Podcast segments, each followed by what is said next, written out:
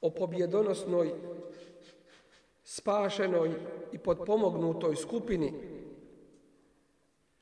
kod uzvišenog Allaha Đalešanu, dolazimo do jednog osnovnog i najvažnijeg svojstva koje se treba naći u toj skupini, kojim treba svaki pojedinac da se okiti.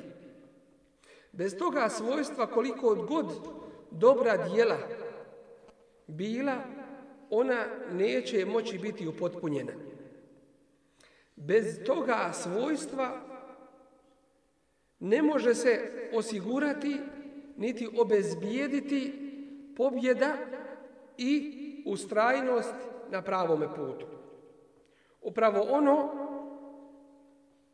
što je srž primanja dijela kod uzvišenog Allaha tabaraka wa ta'ala, a to je ustrajnost na dobrim dijelima.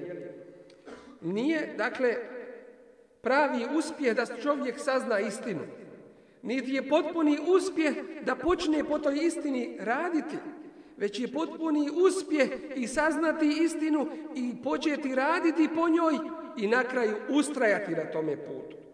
Dakle, ustrajnost. Ustrajnost. A zasigurno da se ustrajnost u dobrim dijelima ne može nikako drugačije postići osim saburom. Svojstvo kojim treba svi kao pojedinci, a kao i džemat, da se okitimo. Svojstvo sabura. Sabur se kod nas različito tumači i različito prevodi. I zato kada govorimo o saburu, mi kažemo da je to strpljivost, jer se u jednom slučaju odnosi na musibet koji čovjeka zadesi. Ali isto tako kažemo da je to ustrajnost, to jeste kada se taj sabur odnosi na dobra dijela, da trebaš u njima ustrajati. Sabur isto tako se prevodi kao ustezanje, to jeste ako se radi o lošim dijelima od kojih treba da se ustegneš pa da ih ne činiš. Dakle, sabur se pojavljuje kako u dobrim dijelima, da trebaš ustrajati u njima, tako u lošim dijelima da ih moraš se kloniti i sabur se ogleda u svakodnevnom životu u stvarima koje nisu direktno vezane za nas, koje su nama određene kaderom, to jeste u musibetima u kojima trebamo biti strpljivi, kojima treba da izdržimo i budemo na pravom putu. Zasigurno, dakle, da ovo svojstvo sabura je jedno od temeljnih svojstava kojim treba jedna zajednica, jedan džemat, mu'mina, iskrenih vjernika da se okiti. Sabur, dakle, na prvom mjestu je strpljenje u slijeđenju Allahovog Resula, alihi salatu wasalam, i oputa uzvišenog Allaha, tabaraka wa ta'ala, prije toga. I strpljenje u podnošenju svih poteškoća. Po ovome svojstvu su karakteristični vjernici, čvrsti i iskreni vjernici. Oni nisu vjernici od bajrama do bajrama, od određenog datuma do određenog datuma, od hađa do hađa, već su oni konstantni, stalni vjernici i stalno su uz Allaha. Oni ne čekaju jedan ibadet da prođe da bi se vratili svome griješenju kao gladan koji se strpi određeni period, a kad prođe Ramazan ili nešto od ovih nama poznatih ibadeta, onda se takav vraća griješenju kao onaj ko je gladan jelu koje je dugo priželjkivao. Tako se kod jednog vjernika ne smije dešavati. Uzvišen je Allah, hvaleći ovo svojstvo, kaže inni jazaytuhumul yawma bima sabaru annahum humul faizun ja sam ih danas nagradio to jeste na kıyametskom danu po onome što su oni bili strpljivi i zaista su oni od onih koji su uspjeli dosuđen netlije dakle džennet Uslovni uzrok ovdje spominje se ulaska u džennet jeste bima saber. Zbog njihovog sabura, zbog njihovog, rekli smo, ustrajnosti njihove, izdržljivosti, odricanja grijeha i strpljivosti na onome što ih zadesi. Poslanici Allaha tabaraka wa ta'ala nailazili su na putu pozivanja na, u Allahovu vjeru na mnoge poteškoće i prepreke. Ulema koja su nasljednici, koji su nasljednici Allahovih poslanika, isto tako prolaze kroz poteškoće, kroz nedaće, šireći Allahovu vjeru na tome putu i oni su isto tako dužni prije svega među ummetom da se odlikuju strpljivošću i čvrstinom koju su imali Allahovi poslanici na putu širenja ove Allahove tabaraka wa ta'ala vjeri. Vidjet ćemo ovdje kroz jedan slikovit primjer gdje nam Resulullah sallallahu alaihi ve sellem pojašnjava šta znači sabor. Šta znači ova izdržljivost, ova ustrajnost, ova strpljivost. U hadisu koga bilježi Tirmizi, kaže Resulullah sallallahu alaihi ve sellem, Ešeddu nasi belaen el-enbijau, thumme el-emthelu fel-emthelu.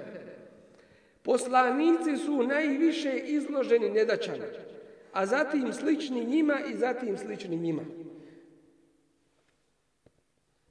Jubtala ređulu ala hasebi dinihi.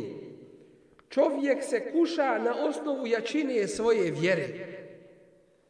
Po jačini tvoje vjere dolazi ti takvo iskušenje. Toliki ispiti dolazi. Fe in kane fi dinihi salben, ištebde belao, wa in kane fi dinihi rikka, ibtulije ala hasebi dini. Ukoliko je jak u vjerovanju, i belaj mu se poveća, a ukoliko je slab, kušnja mu je prema njegovom vjerovanju.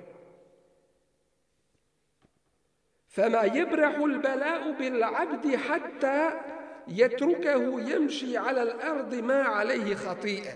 I neprestano, belaj je uz čovjeka musibet i svakakva iskušenja u svemu uz čovjeka je musibet nedaće i tako dalje sve dok ga ne učini da hoda po zemlji bez jednog grija. Dakle, čovjek se kroz ova iskušenja, kroz ove belaje, čisti grijeha i s druge strane to mu je jedan ispit da li će biti čvrš čvrst na Allahovom putu i vjernik iz tih iskušenja čvršći izlazi. I zato, alhamdulillah, kad nas uzvičani Allah ne kažnjava po onome što mi ne bismo mogli izdržati ili ne iskušava nas onim što gdje zna da bismo popustili i gdje ne bismo prošli na tome ispitu. Nego samo nas iskušava onim u onolikoj mjeri po našem imanu koliko zna da možemo izdržati i osaboriti u tome.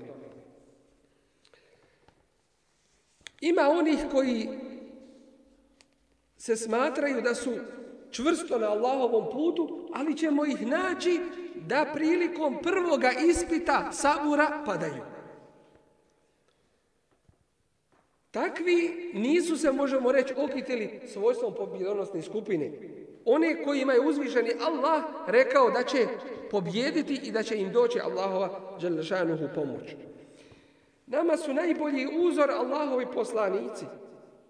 Koliko su bili strpljivi u pozivanju ljudi na pravi put i koliko su bili uporni u tome.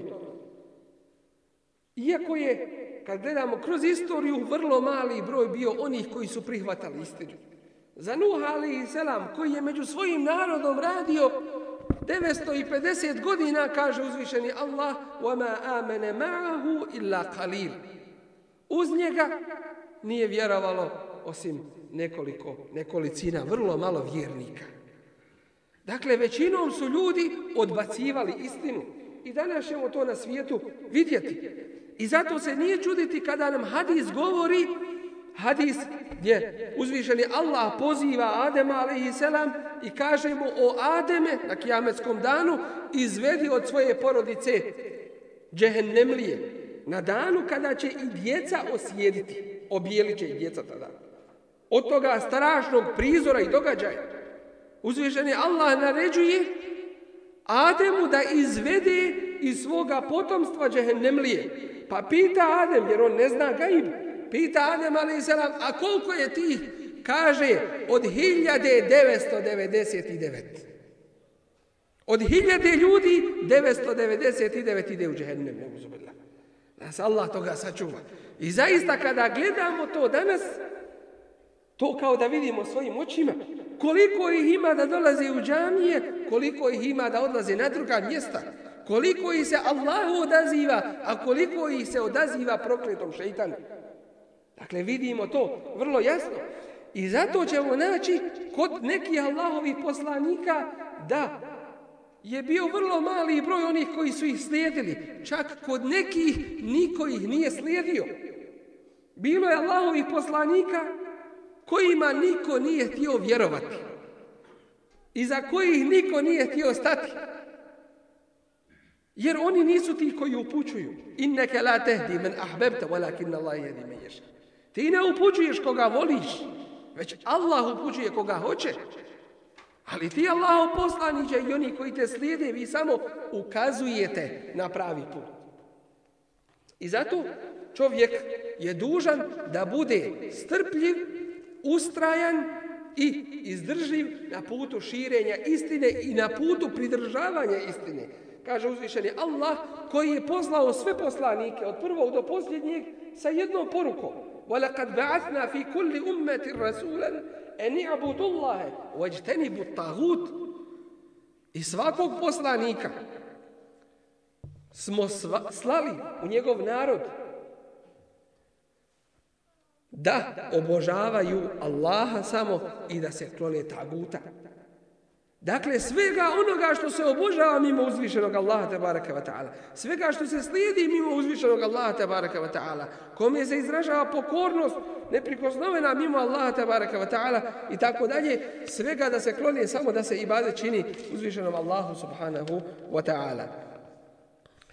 Kada govorimo o saboru, vidjet ćemo da je to od svojstava koji su ko, koje je opisano najboljim opisima i zašto je najveća nagrada obećana.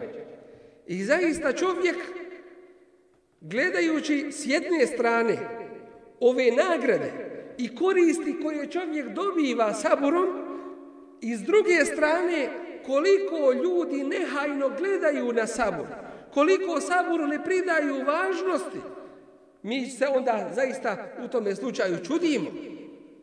Jel to ljudi sumnjaju u riječi uzvišenog Allaha i njegovog Resula ili su u tolikom gafletu i nemaru, pa ih je Dunjaluk obuznao da im je preče da saslušaju šta se danas dešavalo na Dunjaluku i da je preče da saslušaju ljudske vijesti nego vijesti uzvišenog Allaha te barake vatana.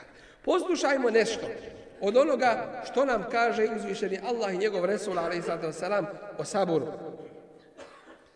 Kaže uzvišeni Allah tebaraka ve taala u suri Zumer 10. ajetu: "Inna ma yuwaffa sabiruna ajrahum bighayri hisab." Samo će strpljivi, izdržljivi i ustrajni, dakle ti koji su se okitili svojstvom sabura, samo će oni dobiti svoju nagradu bez računa, bez granice, neograničene. Jer svakome će se davati ograničena nagrada prema njegovim dijelima. Desetorostruko do sedamstotina puta uzvišeni Allah će nagrađivati dobra dijela.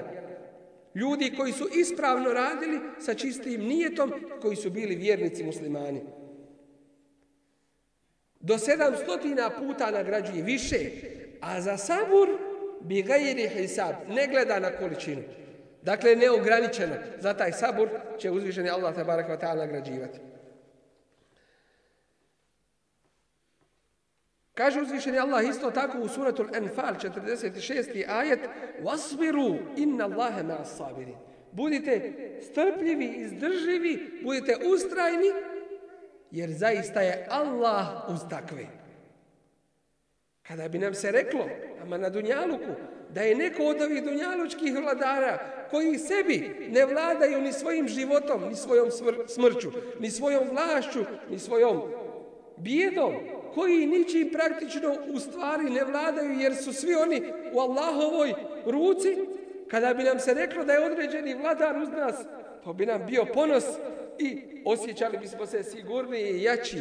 A šta je kada nam se kaže da je uzvišeni Allah sa takvima koji su strpljivi, izdržljivi i ustraji na njegovom putu. Zaista to treba pravi da je ponos jednog vjernika i zaista to treba da bude među ciljevima svakog mu'mina da nastoji da to i ostvari.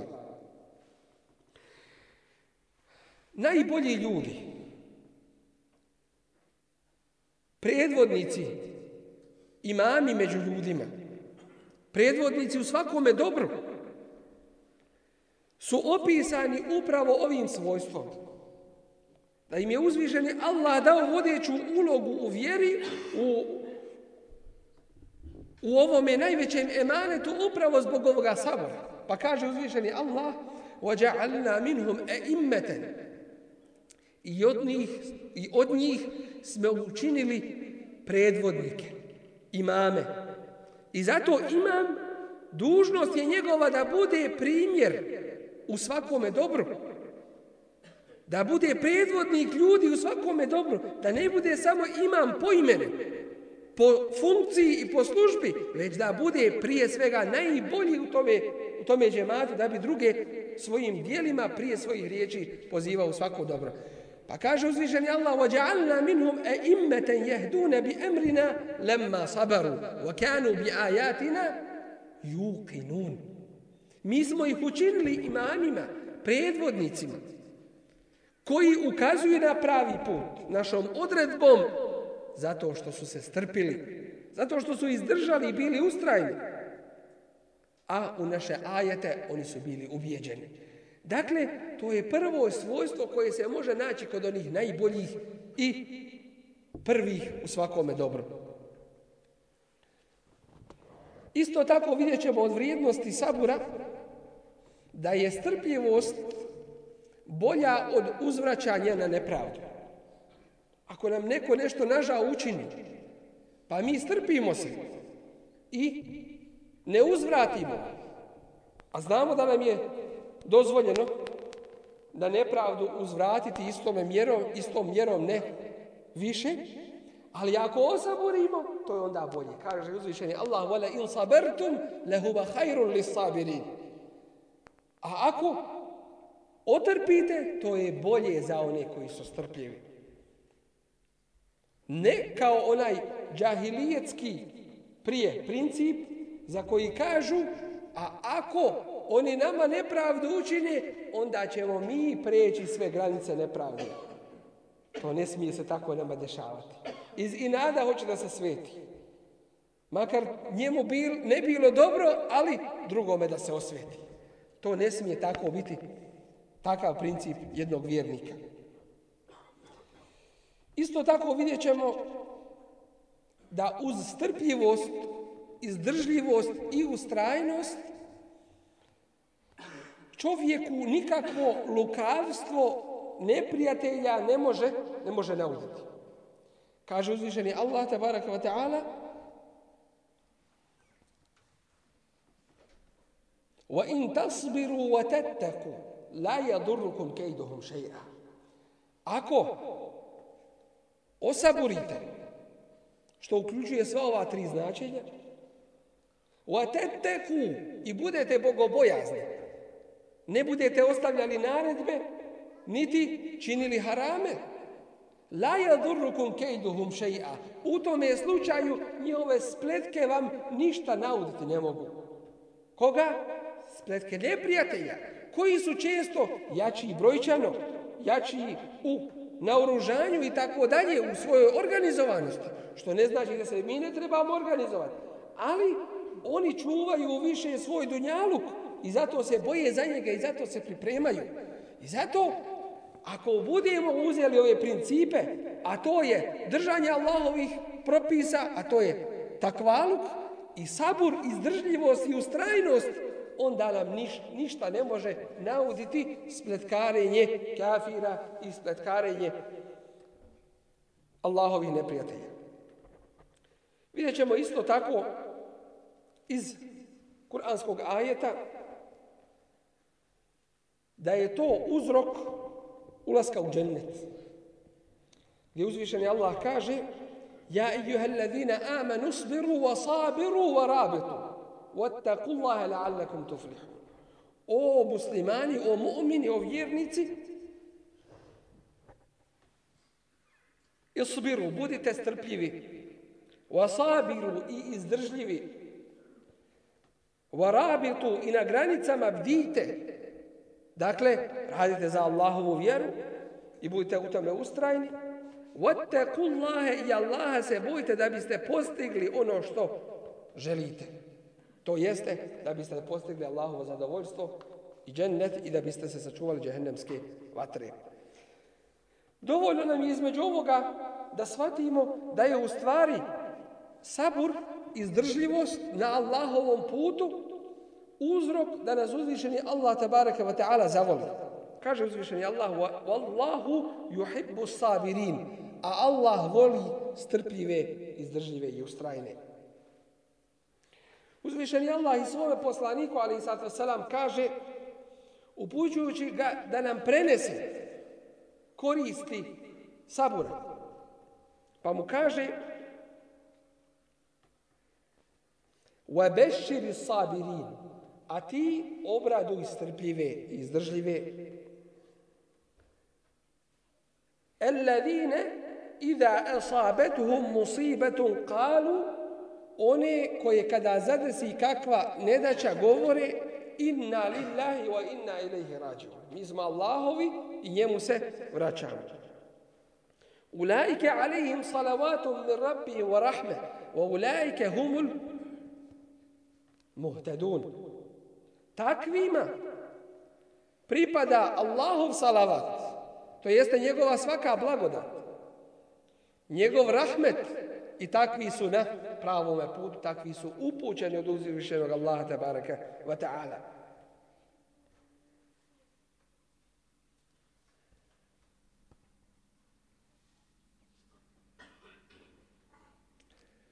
U četiri kuranske sure uzvišeni Allah spominje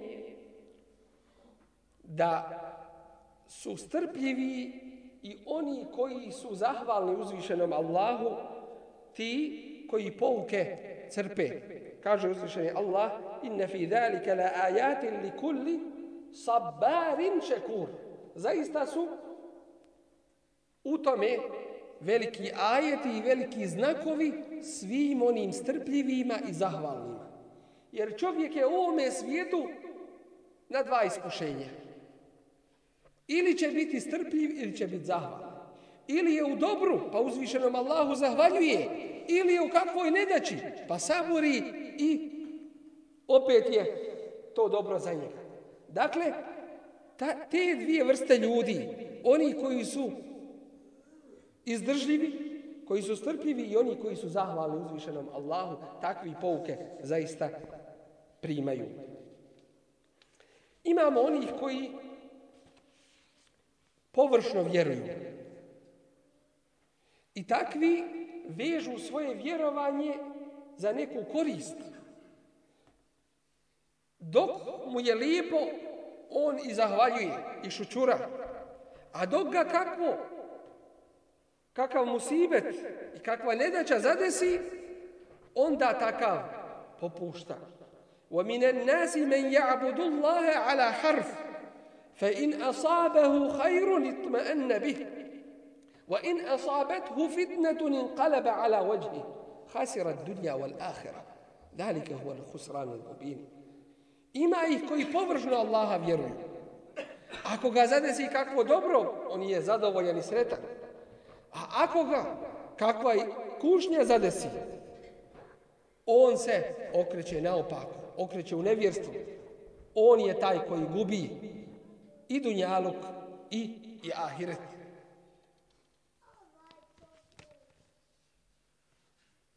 ومن الناس من يقول آمنا بالله فإذا أوذي في الله جعل فتنة الناس كعذاب الله إما ljudi koji kažu mi vjerujemo, a kada bude iskušan na Allahovom putu u nečemu, učini taj to kušnju kao Allahu azabi, kao Allahu kaznu.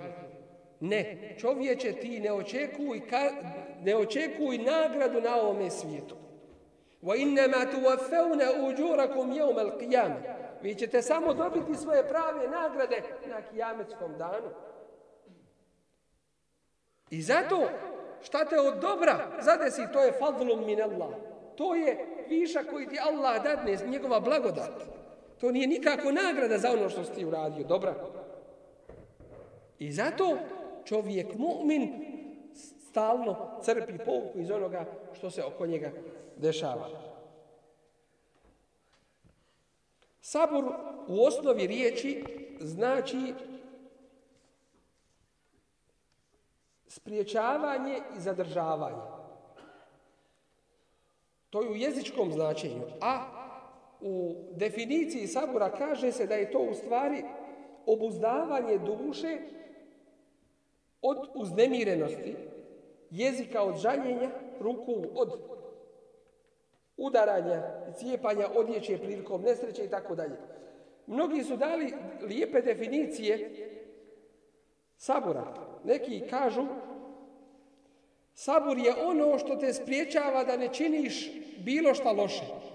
I ono što usmjerava tvoj ahlak, tvoj karakter, kakav ćeš biti. Drugi opet kažu, Sabur je izbjegavanje zabranjeno. Smirenost u nevolji i pokazivanje drugima bogatstva kada pogodi čovjeka siromaštvo. Opet drugi kažu, sabur je dostojanstveno držanje kada pogodi čovjeka nesreća. I zato mnogi od prijašnjih ispravnih naših generacija mu'mina govorili su ne žali se nikome. Jer taj kom je se žališ, ako je neprijatelj, obradovat ćeš ga svojom nesrećom.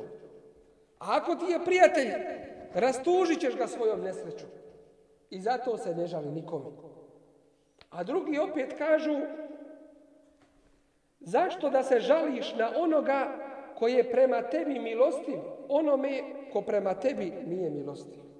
Zašto da se žališ na ono što te je zadesilo od uzvišenog Allaha, čovjeku koji nema prema tebi milosti? Dakle, žalje je biva uzvišenom Allahu ako se imamo zašta požaliti. I zato, iako kaže Allahov dobri rob Jakub, alaihi selam, kaže fa sabrun džemil, lijepi sabur, ja ću osabur. Vidimo ga da je rekao nakon toga innema ešku besi wa huzni ila Allah. Ja tugu svoju i jad svoj pred Allaha iznosi. Što znači kad se požališ Allahu, to ne znači da, da si izgubio sabur, da nemaš sabura. Žalit se ljudima, to je gubljenje sabura. Jadikovat, i svoju žalost i tugu i nesreću pred ljude iznositi. To znači gubiti sabor. A Allahu uzvišenom se obratiti i njemu se požaliti na teškoću situacije, to nije gubljenje sabora, ko što vidimo iz ovoga slučaja. Dakle, Jakub ali sam kad kaže lijepi sabor, ja ću biti ustrajan, ja ću biti saburli, ja ću biti izdržljiv i Neću se jedati, to ne znači da neće to Allahu svome povjeriti. Isto tako Ejub, alaihi selam, koji je u teškoj bolesti bio. Allah najbolje zna musibet svakoga od nas. Koga je šta od ovih dunjalučkih musibeta zadesilo? Kaže dobri Allahov, rob Allahov, vjerovjesnik Ejub, alaihi selam, Inni meseni je durru ve ente Erhamur Rahimin. Allahu, mene je nevolja strašla, a ti si najmilostiviji.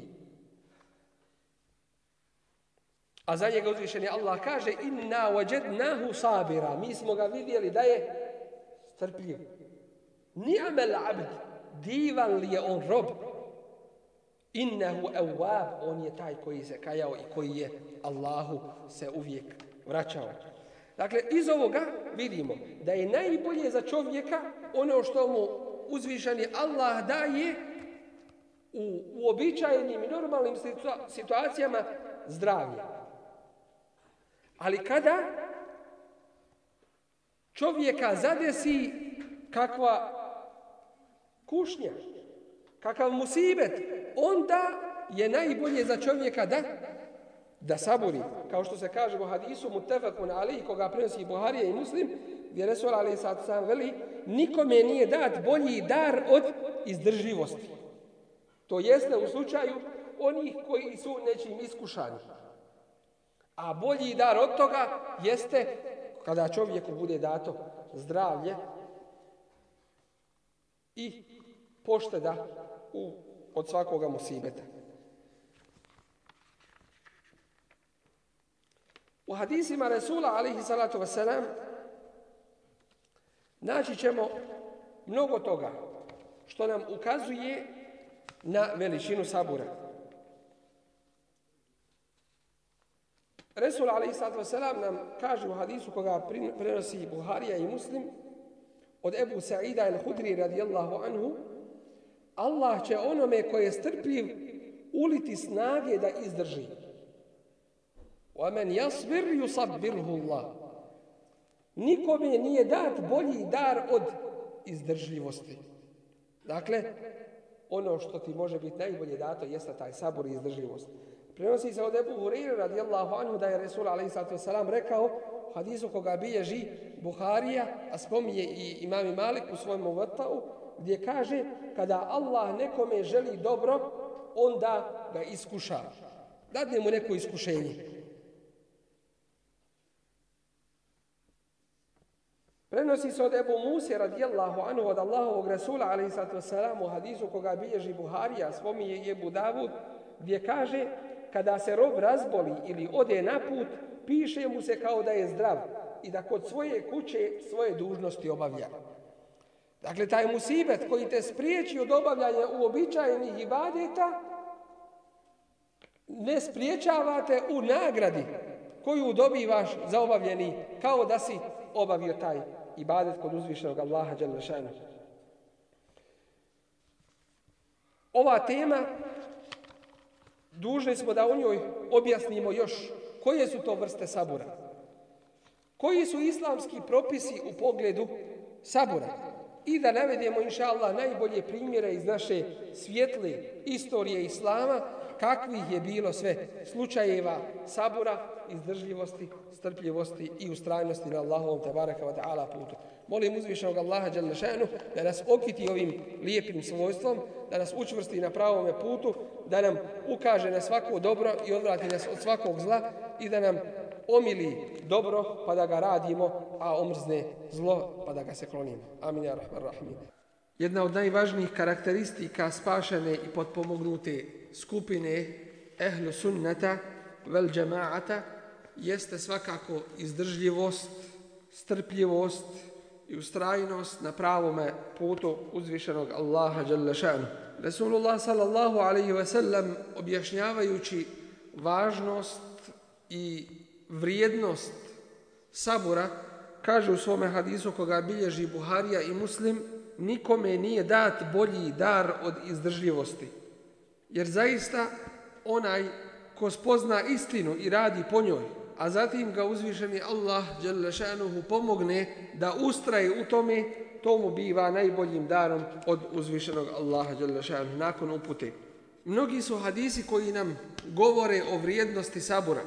Od toga je hadis Resulullah sallallahu alaihi ve sellem koga prenosi Ebu Sa'id al-Hudri radijallahu anhu, a zabilježen je u Buharinoj i Muslimovoj zbirci hadisa, gdje Resulullah a.s. kaže Allah će onome koje je strpljiv uliti snage da izdrži. Nikome nije dat bolji dar od izdrživosti.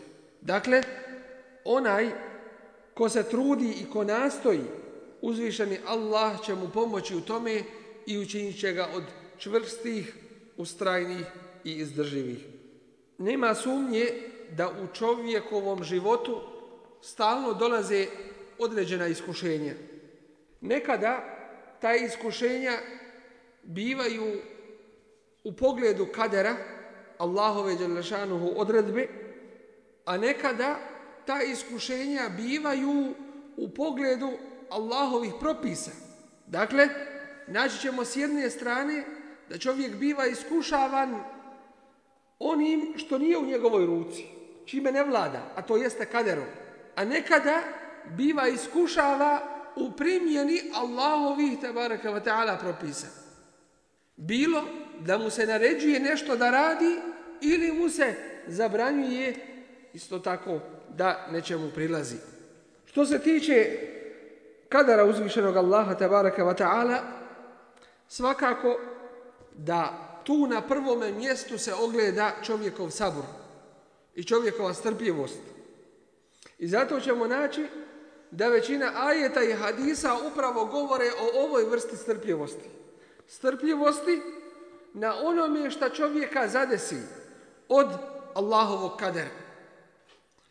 Nekada Allahov kader dolazi samo kao iskušenje, kao ispit čovjeku kao što uzvišeni Allah tabaraka wa ta'ala kaže za Ibrahima alaihi salam wa idh ibtala Ibrahima rabbu i kada iskuša Allah Ibrahima određenim naredbama i zaista Ibrahim vidjet ćemo alaihi salatu wa salam da je bio iskušavan i u naredbama i u zabranama ali je bio iskušavan isto tako Allahovom odredbom I u svemu je tome dao najbolji primjer fe'etem mehun, pa je on to upotpunio. Vidjet ćemo na prvom mjestu da se sabor u ovome pogledu odražava. Da čovjek se strpi na onome što mu je uzvišeni Allah odredio. Nekada kader biva kao posljedica griha čovjekovih koje je učinio u svome životu. A nekada ove kušnje kadera zadešavaju čovjeka vjernika, kao što smo vidjeli u hadisu Rasula, ali i sada selam, koga bilježi tirmizi, kao povećanje stepena i brisanje grijeha. Tako da belaji i nedaće stalno bivaju uz čovjeka ta iskušenja kadera, sve dok ga ne učine da hoda po zemlji bez i jednoga grija. I zato ova shvatanja materialistička kod nas muslimana ne mogu proći da se kaže na neki način ja vjerujem pa očekujem od Allaha da mi dadne sve što mi je drago na ovome svijetu. Uzvišeni Allah kada hoće dobro nekom svome robu on ga i iskuša kao što stoji u Buharinoj i Moveta i Malikovoj zbirci hadisa gdje od Ebu Hureyre radijallahu anhu se prenosi da je Allahu Resul alaihi salatu wasalam rekao kada Allah nekome želi dobro da mu da ga pogodi kakav musibet. Dakle, iskuša ga nečim od iz kadera, nečim što mu odredi da vidi da li će on biti strpljiv i da li će ustrajati i da li će biti na pravom putu. Svakako, ako čovjek izdrži, bude strpljiv i ispravan primjenjujući propise uzvišenog Allaha, samo mu se još više povećavaju dobra dijela i brišu mu se grijesi. A kada tom nedaćom bude spriječen da uradi neko dobro koje je i onako činio, onda mu se to dobro dijelo piše kod Allaha tabaraka wa ta'ala. U Buharinoj i Ebu Davudovoj zbirci hadisa prenosi se od Ebu Musa radijallahu anhu da je Allahu poslanik alihi salatu wasalam rekao kada se razboli Allahov rob ili ode na put piše mu se kao da je zdrav i da je kod svoje kuće i da svoje dužnosti obavlja. Dakle, piše mu se kada bude onemogućen, bilo bolešću kao musibetom, bilo putovanjem koje je svakako jedna vrsta teškoće, Piše mu se u tom je slučaju sve ono što je radio kada je bio zdrav i kada je bio kod kuće. To je od Allahove Đalešanuhu milosti. Poučio nas je Rasulullah alaihi salatu wasalam šta treba da učimo prilikom musibeta koji zadesi čovjeka. Kada prenosi nam ovaj hadis Ummu Seleme radijallahu anha, a hadis bilježi Muslim Ebu Davud ibn Mađe i imami Malik u svojim zbirkama hadisa kaže kada mi je preselio muž Ummu Selem kaže bio je prema meni najbolji čovjek kada je preselio sjetila sam se riječi Allahovog Rasula alaihi salatu wasalam sjetila sam se riječi Allahovog poslanika alaihi salatu wasalam kada je rekao kada zadesi neki musibet Allahovog groba pa on kaže kaže inna lillahi wa inna ilayhi raji'un Allahumma ajurni fi musibati wa akhlif li khayran minha što znači mi smo Allahovi i mi ćemo se njemu vratiti to je kuranski ajet a zatim iza toga u citiranom hadisu kaže Bože pomozi mi u nesreći mojoj i daj mi bolje stanje nego što je ovo ko to izgovori kada ga zadesi kakav musibet, Allah uzvišeni mu taj musibet zamijeni nečim drugim. Zamijeni nekim dobrom. Kaže Ummu Seleme, kada mi je preselio moj muž, ja sam ovu dovu rekla. Iako sam se na neki način čudila kako mi može Allah dati boljeg čovjeka od onoga koga sam imala. Kad dođe Resulullah alaihi salatu wasalam da me zatraži da se udam za njega. Dakle, uzvišeni Allah joj je zamijenio toga dobrog čovjeka Ummu Selem, e, e, za Ummu Selemu zamijenio joj je Resulullah sallallahu alaihi ve sellem koji je svakako i nesumnjivo bolji od bilo koga drugog od ljudi. Kada čovjek to ima na umu i kada zna da ono što ga zadesi to je od uzvišenog Allaha tabaraka wa ta'ala odredba njegova. I kada je čovjek svjestan da se time brišu da se time brišu ljudski grijesi, kada je čovjek sve, svjestan da se time povećava deređa i stepen kod uzvišenog Allaha dželrašenu, onda u tom slučaju nema beznadežnosti, nema gubljenja u musibetu i nema onih svih situacija koje su zabranjene hadisama Rasulullah a.s. u kojima kaže nama ne pripadaju one, odnosi se na žene, a i na muškarce. Jer većinom to žene radi. Nama ne pripadaju one koje cijepaju svoju odjeću prilikom nesreće i koje se udaraju po licu i koje kukaju. Dakle, one koje jadikuju kao što je običaj kod nemuslimana onih koje, koje smo zapamtili. Dakle, upravo ovdje Resulullah a.s. ističe da to nije od vjere i da to nema ništa sa vjerom i da takve ne pripadaju ovoj vjeri. Zapravo one koje prilikom nesreće gube vjerovanje u Allahov kader, u Allahovu odredbu. I zato da je ne znam kakva nesreća, čovjek se prisjeća ovoga osnovnog i glavnog principa, a to je da smo Allahovi, to jeste on radi šta hoće, a samo nam dobro želi svakako i njemu ćemo se vratiti, to jeste šta god nam se desilo na ovome svijetu ima ahiret i vraćamo se uzvišenom Allahu tabaraka wa ta'ala. Bilježi Buharija i Muslim u svojim zbirkama hadisa da je Resulullah a.s. rekao nema nesreće koja pogodi vjernika čak ni kada ga trn ubode, a da mu Allah zbog nje ne oprosti neki grijeh. Dakle, čovjek vjernik, čovjek musliman, nikada ne može biti na gubitku sa ispravnim vjerovanjem i postupanjem po principima ove časne vjere. Kada pogledamo na ova iskušenja oko nas, možemo vidjeti da su ona, kao što smo napomenuli prije, vezana za tri oblasti. Prva oblast iskušenja jeste da čovjek bude iskušan nečim od kadara uzvišenog Allaha Đelešanu. Drugo je da bude iskušan naredbama i treće da bude iskušan zabranama. Svako od ovih pomenutih područja ima svoje zasebne principe. Kao prvo, vidjet ćemo koje su to vrste sabora u pogledu, u pogledu šerijatskih propisa. Sabur se dijeli na pet vrsta. Pa, prva vrsta sabura jeste obavezni sabur i nužni sabur. Sabur gdje čovjek kada osaburi ima veliku nagradu, a ako ne osaburi ima grije.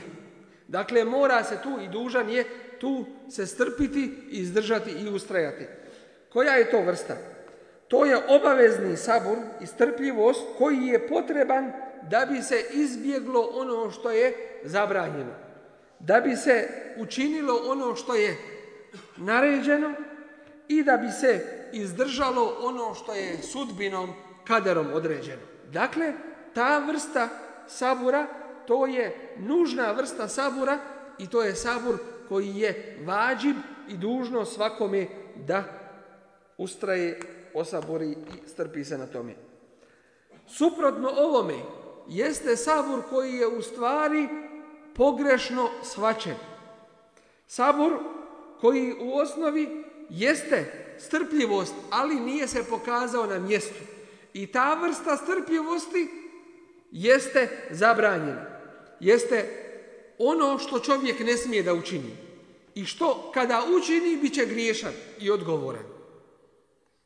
A ako ga se kloni, suprotno vađivu, a ako ga se kloni, imaće od toga nagradu. Ova vrsta sabura se ogleda u tome gdje čovjek dakle, ne smije biti ustrajan i ne smije biti strpljiv na tome kada čovjeku dođe život u pitanje. Pa da ne jede i da ne pije, dok mu ne dođe smrt. Tu čovječe ti si odgovoran. Odgovoran si za svoj život. I u tom slučaju dozvoljavati se da pojedeš i ono što je uobičajeno haram, što ne smiješ pojest da bi ti ostao tvoj život. Dakle, ostaje ti ovih, jedan od ovih pet osnovnih principa sa kojima je došao šereja da ih zaštiti. Ili da se čovjek prepusti nekoj krvoločnoj zvijeri, Ta strpljivost neće za nju čovjek biti nagrađen. Ili strpljivost da se prepusti svome neprijatelju. Ili musliman kada se prepusti neprijatelju da radi od nje šta hoće i tako dalje.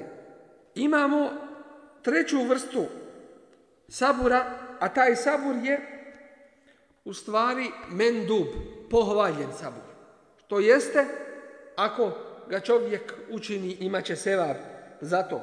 Primjer toga jeste da čovjek učini ono ili to je ona vrsta strpljivosti koja je potrebna da bi se izbjeglo ono što je pokuđeno, da bi se izvršilo ono što je pohvaljeno i da čovjek onome koje je pogriješio ne uzvraća na isti način. Ako uzvratiš na isti način, tvoje pravo. Ali ako ne uzvratiš na isti način, to je mendub, to je lijepo te je pohvaljeno. Uzvratiš na isti način, nemaš grijeha. Jer uzvraćaš na ono što je i tebi učinjeno. Ali ako se u ovome slučaju strpiš i ne uzvratiš na isti način, u tom slučaju je ovo bolje. Imamo pokuđenu strpljivost. Dakle, isto jedna vrsta pogrešno shvatanje strpljivosti. A to je strpljivost u ustrajnju, u i ustrajnost u činjenju onoga što je pokuđeno, u izbjegavanju onoga što je pohvaljeno i prekomjernom uživanju onoga što je čovjeku odobreno. Dakle, u jelu, piću i onome ostalome što je čovjeku odobreno. I peta vrsta sabura ogleda se svakako u tome da čovjek, da u stvarima u kojima je čovjeku dozvoljeno jedno i drugo, ili da uradi ili da ne uradi. Najveća vrsta sabura koji je potreban da bi čovjek se strpio na Allahovom dželešanuhu kaderu.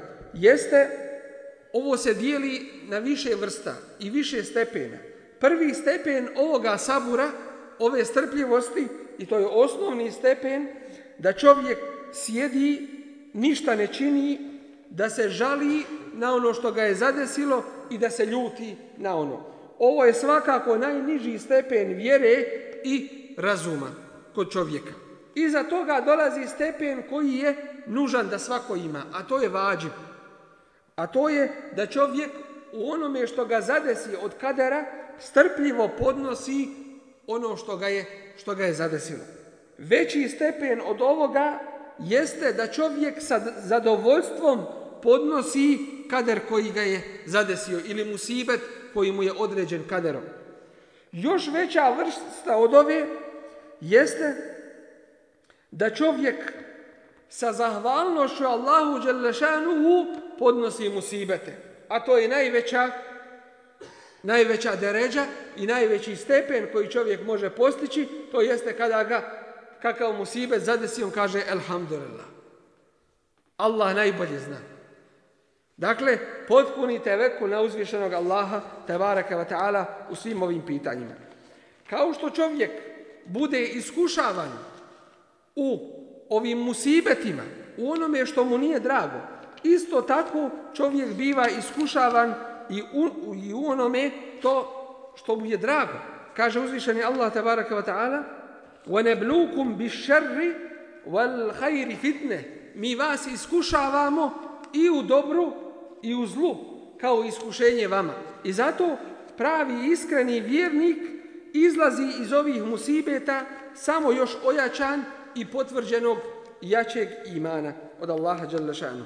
Što se tiče ove vrste sabura, to jeste sabura da čovjek ostane ispravan i pored musibeta koje mnogi ljudi ne osjećaju. Upravo ovdje vidimo da je poseban stepen. Jer imamo ljudi koji svačaju da je sabur samo kod musibeta. A sabur je potreban i kod dobra koje ti se daje. Jer mnogi ljudi kada su u dobru ne osjećaju da su iskušani. I zato čovjek biva iskušavan u svome imetku. Nekada mu se uzme imetak, a nekada mu se taj imetak podari, da se pokaže kakav će on biti, da li će biti ispravan i ustarajan na pravome putu sratu mustakima uzvišnjog Allaha djelna šajna. I zato ćemo vidjeti da najbolja dova koju čovjek uči na ovome svijetu jeste Rabbena atina fid dunija hasen. Bože, podari nam svako dobro na ovom svijetu, jer on uzvišeni najbolje zna koje je dobro za nas, a šta nije dobro, da ga se svakako klonimo. Što se tiče ovih, ove vrste sabura, svakako da čovjek mora imati na umu nekoliko vrlo važnih činjenica.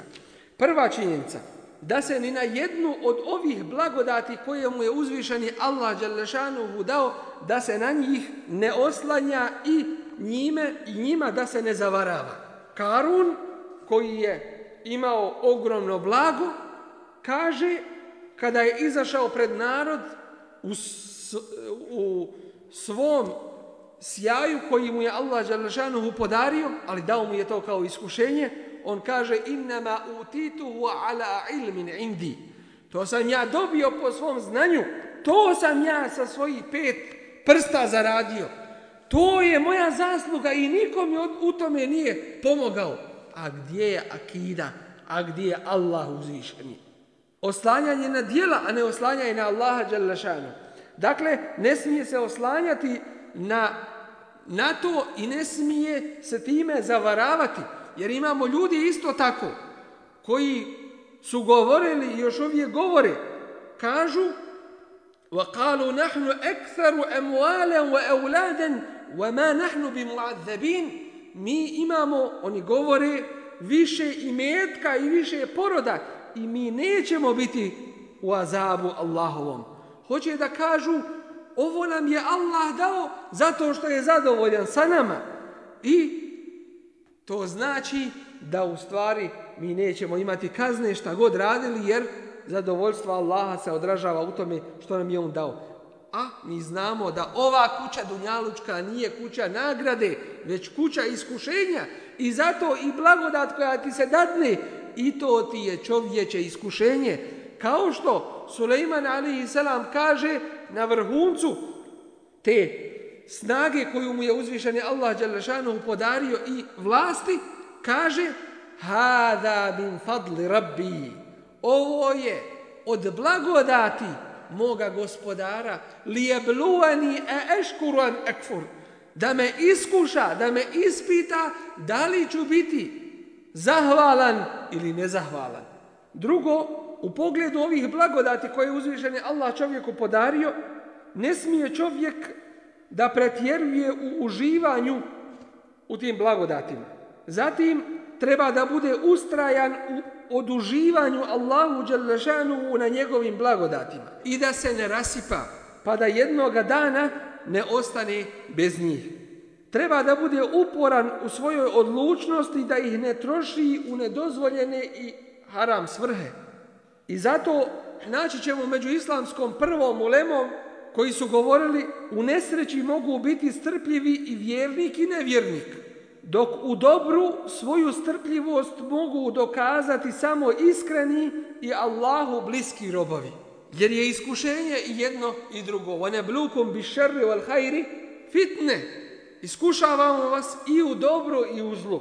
Dakle, u onome što vi vidite da je dobro ili što vidite da je zlo, a i u jednom i u drugom za iskrenog i pravog vjernika, to može biti samo dobro ako bude postupao po Allahovim tevaraka wa ta'ala savršenim propisima.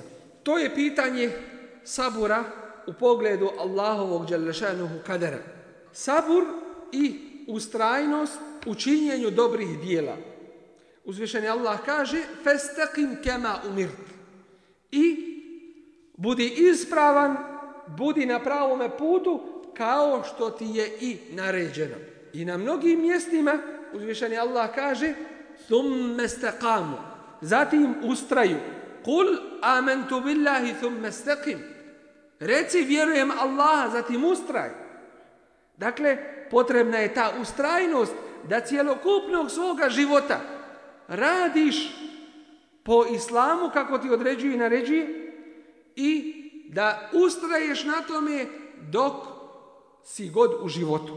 Dakle, do zadnjeg svoga časa da budeš ustrajan i ispravan, jer će čovjek biti proživljavan prema onome kako bude preselio. U pogledu ovoga, čovjek treba da ima na umu nekoliko vrlo bitnih činjenica. Prva je da ima iskrenu i čistu namjeru i da od sebe ostrani sve mogućnosti licemjerstva. Dakle, ne daj Bože da to djelo radi u ime, u ime ljudi, u ime toga da ga ljudi pohvale i, dakle, prije nego što čovjek pristupi da čini neko djelo, potreban mu je sabor u nijetu. Zatim, potreban je sabor istrpljivo za vrijeme obavljanja, za vrijeme obavljanja dotičnog islamskog propisa da šta ne propusti, da ne pretjeruje, dakle da nešto novo u taj propis ne unese kao novotariju ili bidat, da mu, lu, da mu misli, kao što je u namazu često slučaj, da mu misli ne lutaju, da bude skrušenog srca i svjestan da stoji pred svojim gospodarom, da ne zaboravlja na njega, jer ne treba razmišljati o onome što je naređeno, već o onome ko ti je to dotično dijelo naredio. Dakle, gledaš na veličinu onoga koji ti je to odredio. Sljedeće, potrebna je strpljivost poslije obavljanja dobroga dijela. Dakle, i prije, i u toku obavljanja dobroga dijela, i poslije obavljanja, koja se također ogleda u nekoliko vrlo bitnih stvari, a to je da čovjek nakon što učini dobro dijelo, da se suzdrži od činjenja bilo čega što bi mu moglo to dobro dijelo pokvariti. Jer šeitan ne ostavlja čovjeka. Pokušava na početku da ti pokvari tvoj nijet, tvoju namjeru. Pa ako ne uspije, pokuša da te odvrati od toga dijela. Pa ako ne uspije, pokuša u to dijelo da ti ubaci nešto, da bi ti ga pokvario. Ili da on od toga dobrog dijela nešto ostaviš. Bez čega ne može ono biti. Pa ako ni tu ne uspije, učinio si dobro djelo, imao si dobru namjeru, onda nakon toga opet te ne ostavlja. Već nastoji da, pok, da ti pokvari to dobro djelo. A to se ogleda svakako u sljedećem. Kaže uzvišeni Allah, Ja ijuha alladina amanu, la tubtilu sadaqatikum bil menni wal eda. O vjernici, o muslimani, ne kvarite svoju sadaku koju ste dali prigovaranjem i uvredama. Dakle, iz ovoga vidimo da sadaka koja je data na mjesto i koja se naziva sadakom, dakle ispravno je dobro djelo da kasnije, ne daj Bože, uvredama i prigovaranje može biti pokvarena. Zatim, da se čovjek suzdrži u čuvanju od oholosti, u obraženosti i ponoš, ponošenja tim dobrim dijelom koje je učinio. Dakle, da ga to dobro dio ne zanese, pa da u sebi pomisli, ako je kao ja. Zatim, da se suzdrži da dobro dijelo iz tajnosti ne iznese u javnost. Jer dijelo učinjeno, dobro dijelo, učinjeno u tajnosti je više struko, više vrijednovano i cijenjeno od onog dijela koje je učinjeno u, u javnosti. Ovo su samo neke napomene u činjenju dobrih dijela.